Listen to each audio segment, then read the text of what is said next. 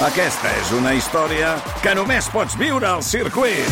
24, 25 i 26 de maig. Gran premi Monster Energy de MotoGP al circuit de Barcelona, Catalunya. Compra ja les teves entrades a circuit.cat. Viu-ho!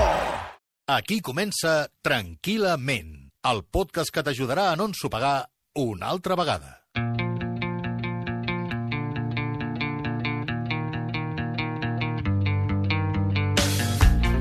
Bon dia, bona tarda, bona nit. Després de moltes setmanes tancats a casa, la possibilitat de canviar el decorat i deixar enrere la nostra ciutat, la comarca o fins i tot el país provoca que moltes persones posin en marxa de nou els seus Instagrams i que damunt d'una imatge d'una platja deserta o una muntanya nevada s'hi escrigui felicitat. I molts likes, i, i molts comentaris. Quina enveja, quina enveja, diu la gent. Però en destaca un de comentari. Quines fotos més maques. Però jo també sóc molt feliç fent el vermut a la terrassa de casa. El concepte de la felicitat és un dels grans debats del nostre temps, ho és tant que un estudi que ara comentarem eh, ha donat la volta completament a la qüestió. Sabeu què és la querofòbia? La querofòbia és la por a ser feliç. Diuen que la relació més sincera de la felicitat eh, és la que hi ha entre un animal i una persona. Per exemple, Charlie Brown i el seu gos, l'Snoopy, us en recordeu? Que fa uns anys en un musical deien que la felicitat és, per exemple, trobar un llapis perdut, aprendre a xiular, tocar un instrument per tu mateix, barrejar dos gustos de gelats, caminar agafats de la mà o tornar a casa després d'un llarg viatge. Happiness is finding a pencil, pizza with sausage, telling the time. Happiness is learning to whistle, tying your shoe for the very first time. Happiness is playing the drum in your own simple bed. and happiness is walking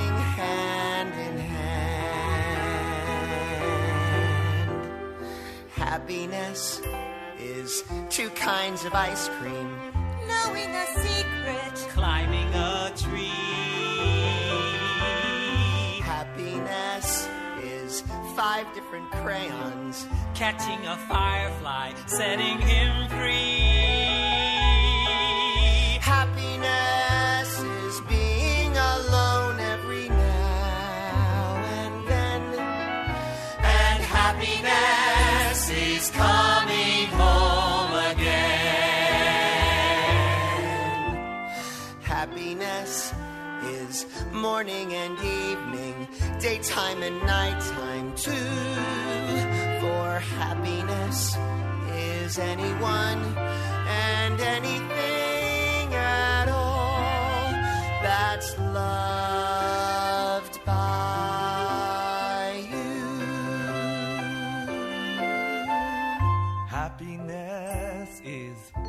having a sister, Sharing a sandwich. getting along. Happiness is singing together when day is through. And happiness is those who sing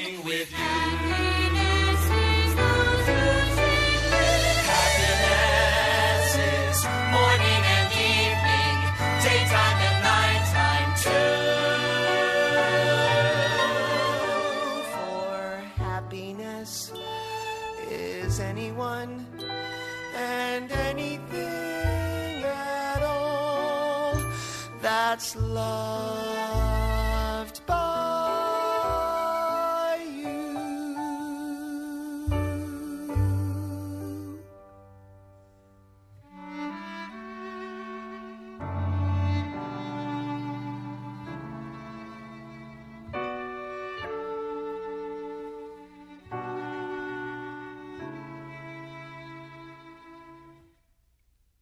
You're a good man, Charlie Brown.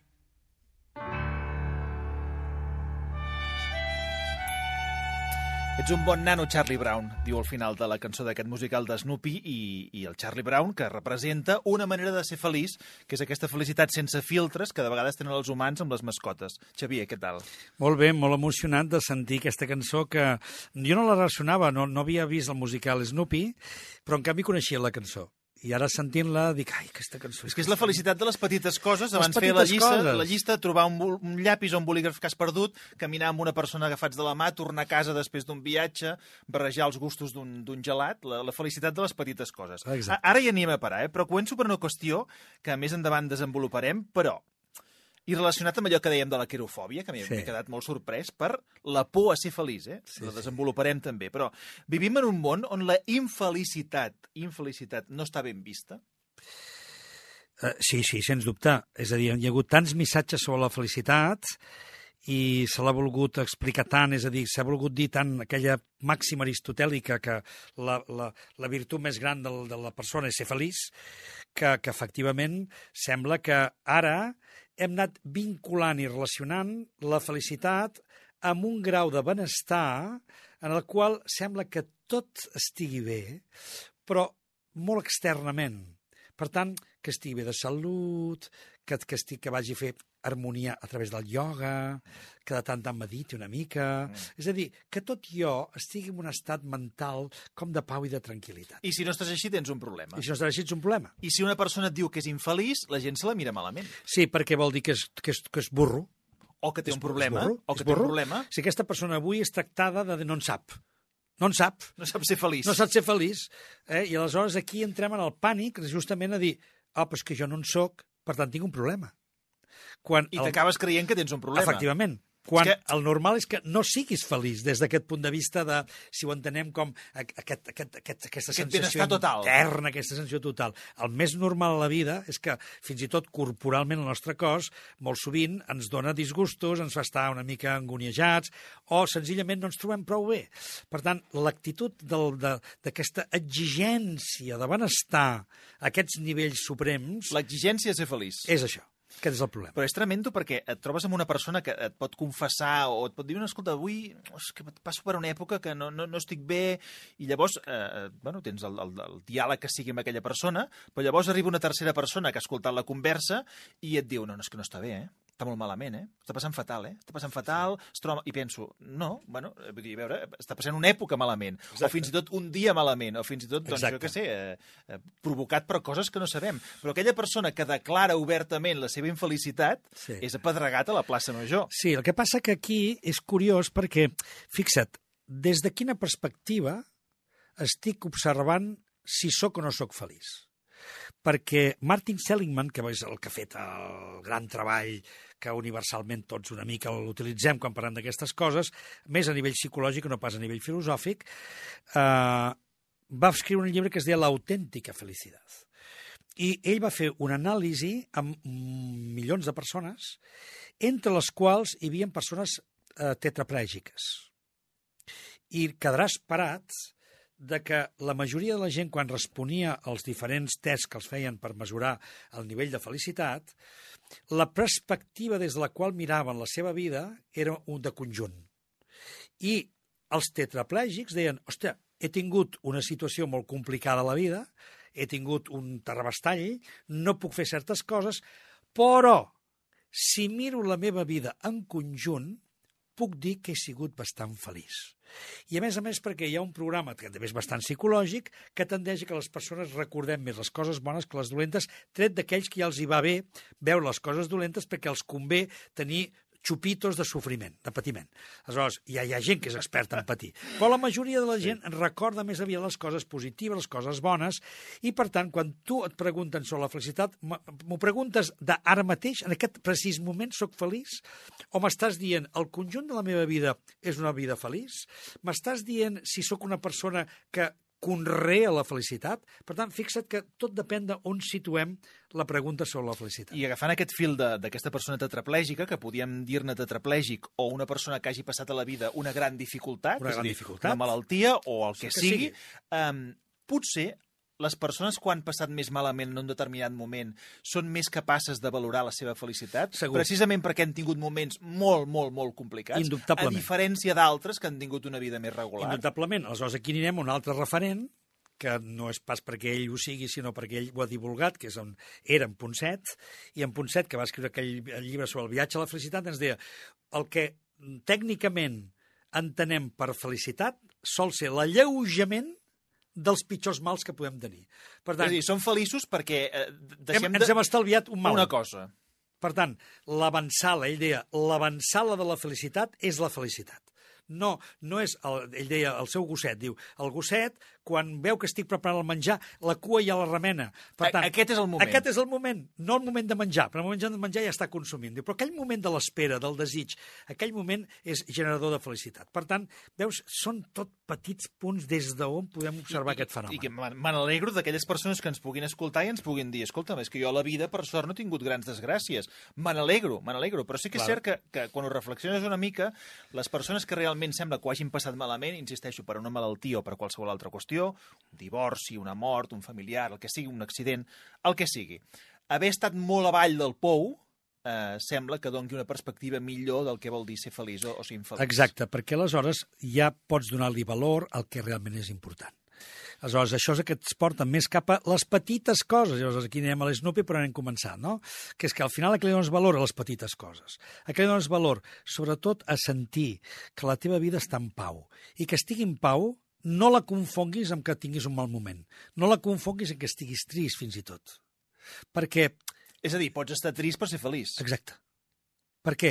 Perquè al final, repeteixo, és un estat intern en el que dius, estic en pau. Encara que ara estic passant un moment de tristesa, encara que en aquest moment doncs, estem passant un mal de cap, sí, però estic en pau. I saps el que dona més pau? Està net de passat. És a dir, miris enrere i estigui tot bé. Net de passat. Net de passat. Fins ara estàvem parlant de les persones, hem fet referència a les persones que, que les jutgem segurament amb molta duresa per dir que són infelices, que ens donen la sensació que els hi passa alguna cosa, però si anem a l'altre extrem, eh, també jutgem amb duresa aquelles persones que diuen que sempre estan bé, que sempre estan felices. I què diem aquí com a persones malfiades i mal pensades que som? Alguna cosa maga. Sí. No pot ser que sigui tan feliç. Exacte. Ens passa, fi- fixa't com- en quin món vivim, que ens passa exactament el mateix en els dos casos. La persona infeliç eh, té algun mal i la persona que diu que és molt feliç També no té pot algun ser, mal. és impossible. És impossible de tenir com, algun com mal. hem arribat a aquest punt? Però i, i aquí ens Com pot indica, ser això? clar, i aquí ens indica una cosa molt interessant sobre la felicitat, que és que la felicitat no es converteix en un objecte que hagis de conquistar, que hagis de conquerir, sinó les persones, per exemple, que viuen en aquest espai que tu estàs comentant, són persones que és que decideixen ser felices. Aleshores, el principi de la felicitat comença per una decisió. S'ha de, voler, s'ha de voler ser feliç. Vull ser feliç. En canvi, de l'altra manera, és com esperar que em vingui la felicitat. És a dir, la felicitat s'ha de treballar? Sí, senyor. Perquè conrees una actitud a la vida. Però això no m'agrada gaire. A mi m'agrada llevar-me al matí i ser molt feliç. Clar que sí. No haver-me d'esforçar per ser molt feliç. no però Creia que era més intangible, això, que No. no em portaria feina. és, no, és una decisió. I la decisió no costa gens. Costa el que comporta aquesta decisió. Mira, farem Perquè una si, una, cosa. si una persona et fa infeliç, has de prendre la decisió de fer-la fora de la teva vida. Mira, fes una cosa. Somriu fins que et sentis feliç. O et sentis idiota, també. No, no, fins que et sentis feliç. O també ho podem fer al revés. Digue't que ets feliç fins que aparegui el somriure a la teva boca. Però això et durarà, això et durarà res, Xavier. Clar, això tu- és un truc que... D'acord, però et durarà res. Et durarà aquell moment i... Però que ho vols fer durar? Que no es dic que la, la clau als nupis les petites coses? Sí, l'Snoopy sí. Doncs tingues aquest petit trobada amb tu, de diguis, ai, que bé, ja però, està. Sí, però, val, val, d'acord. Però anem a desmuntar tòpics sobre la felicitat. Anem a parlar de les petites coses. La felicitat de les petites coses. La felicitat està en les petites coses. D'acord. Un vermut, te'l compro, una conversa amb els amics, sempre, un petó amb la teva parella, tant de bo. Això, això és felicitat real o ens estem conformant en petits moments de felicitat perquè en els grans moments de felicitat no hi arribem? Mira, ja tornem a ser-hi. És una decisió, Marc, crec que tu no ho vulguis entendre, i és que aquell petó pot passar a ser un petó escadusser, un petó petit, un petó com qualsevol, un petó de més a més, o puc decidir que sigui un petó feliç. Però m'està durant poc aquest moment. És a dir, no em serveix l'exemple del petó. Anem al vermut. Escolta, avui el que explicàvem abans, no? Aquella persona que se'n va dalt de, de l'Himalaya, penja una fotografia i l'altre li respon. Escolta, jo sóc molt feliç fent el vermut a casa. D'acord? Em sembla perfecte. Ho firmaria jo també. Però el, el, la felicitat en les petites coses no és també una petita felicitat que ens dura molt poc? Però si tu vas sumant petites felicitats, al cap del dia ets feliç. Aleshores, aquí està l'actitud. Per tant, és una qüestió actitudinal. No és una qüestió d'un resultat que s'ha d'esdevenir, no és quelcom que haig de d'alguna manera obligar-me, és quelcom que haig de forçar, és quelcom que m'haig d'esforçar, no és quelcom que si faig això seré feliç, com diu molta gent. Si tinc una, una parella, si tinc un cotxe, si tinc feina, Ara seré feliç. diners, ara anirem als Eh? diners. Per tant, no és això, sinó és des d'aquestes petites coses ves fent suma. Però és que, clar, sumo el petó, sumo el vermut, sumo el sol que fa, sumo que bé que estic avui, sumo que estic... Ah, llavors aquesta suma Sí. fa que al final et sentis bé. Però i si no tens el petó, no tens el sol, no tens el vermut, tots són clatellades, eh, jo no puc anar, anar somrient davant del mirall, soc feliç, soc feliç, soc feliç, perquè la realitat em desmenteix, Xavier. No, la realitat, no- la realitat saps què és? El que tu decideixis que sí. No, no, la realitat és que si surto a casa i vaig a una feina que no m'agrada, aquella feina no m'agradarà. Si tu decideixes que no t'agradi. Si l'amo i el cap que tinc eh, em posa moltes pegues i no em tracta bé, mm, no m'agradarà. Depèn com sigui viscut, però sempre puc fer una altra feina. Si t'ho pots permetre, sí, clar. Tot depèn del que feliç que vulguis ser. Sí, clar, i si ho pots fer-ho, perquè és que no est... n'hem parlat altres vegades, no és tan fàcil fer un canvi de feina, no és tan fàcil fer un canvi D'acord? de... Però aleshores, si no puc canviar lo de fora, haig de canviar lo de dintre. Un altre tòpic diu que la felicitat és el camí, no l'objectiu. Però això no seria una miqueta autoenganyar-nos perquè el camí no es faci tan llarg? Si anem dient, no, no, la felicitat hi arribaré quan arribes allà baix.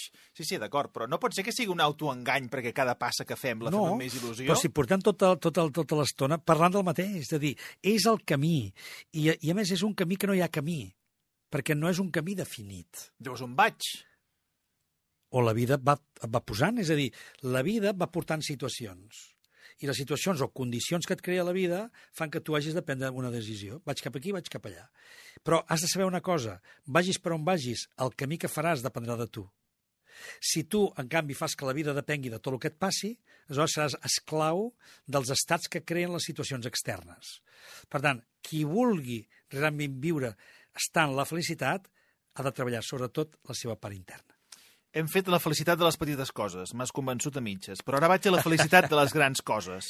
La felicitat a l'engròs. Per exemple, un cotxe, una casa, un viatge, un matrimoni que sempre hem, hem somiat, la, la parella de tota la vida... Sí. Per què sembla un objectiu clar de felicitat, però quan el tenim, igual potser ja no ens la provoca, aquest gran, gran, gran objectiu de Tornem, felicitat? avant, tornem al que hem dit abans, l'avançala. L'avançala és la preparació. L'avançala és el temps que estic il·lusionat amb això. Un cop ja ho tinc, ja està. S'ha acabat. Recordo el cas d'una persona que explicava que la seva felicitat era comprar un objecte, però només era comprar-lo. No el desembolicava. És a dir, se l'enduia a casa i no el desembolicava. Aquest Ah. era el moment de felicitat. És això, és l'avançala. És a dir, és com sóc conscient del que estic generant a mi mateix en tant que em proposo quelcom, vaig a buscar quelcom. És com dir, mira, les tres coses en la vida de la felicitat. Calla. Sexo, dinero i amor. Mira.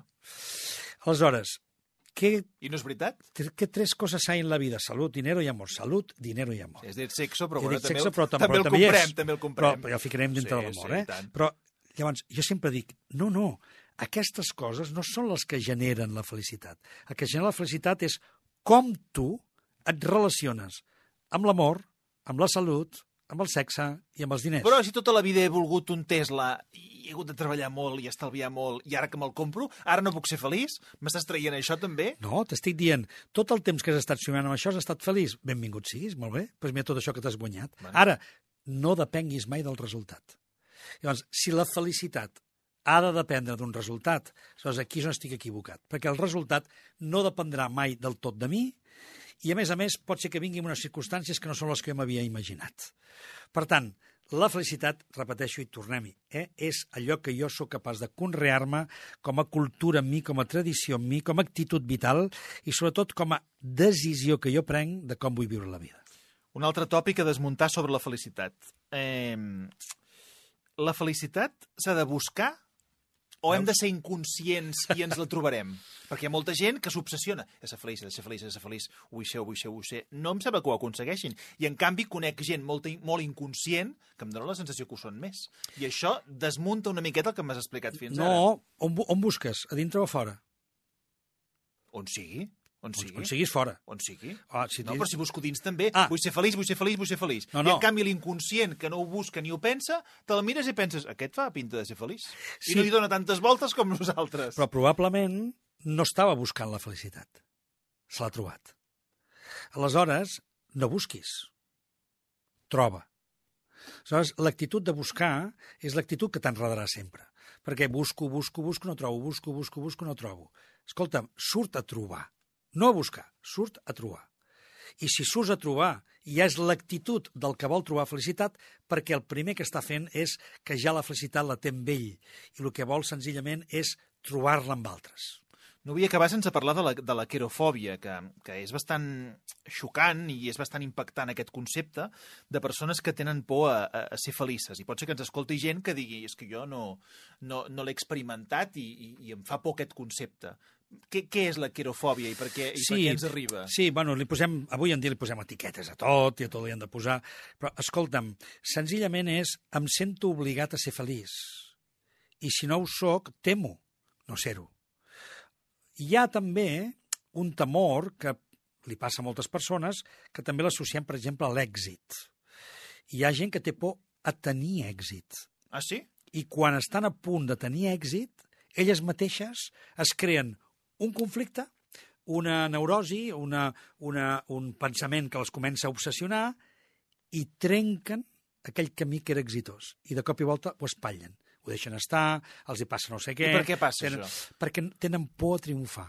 I la por al triomf és no sé si podré suportar les conseqüències de ser una persona amb èxit. I, per tant, no sé si podré suportar les conseqüències de ser feliç. Per exemple, sempre i quan m'imagini que aquesta felicitat és com una cosa, com un esclat, com una mena de, de, de situació que no sé si la podré sostenir.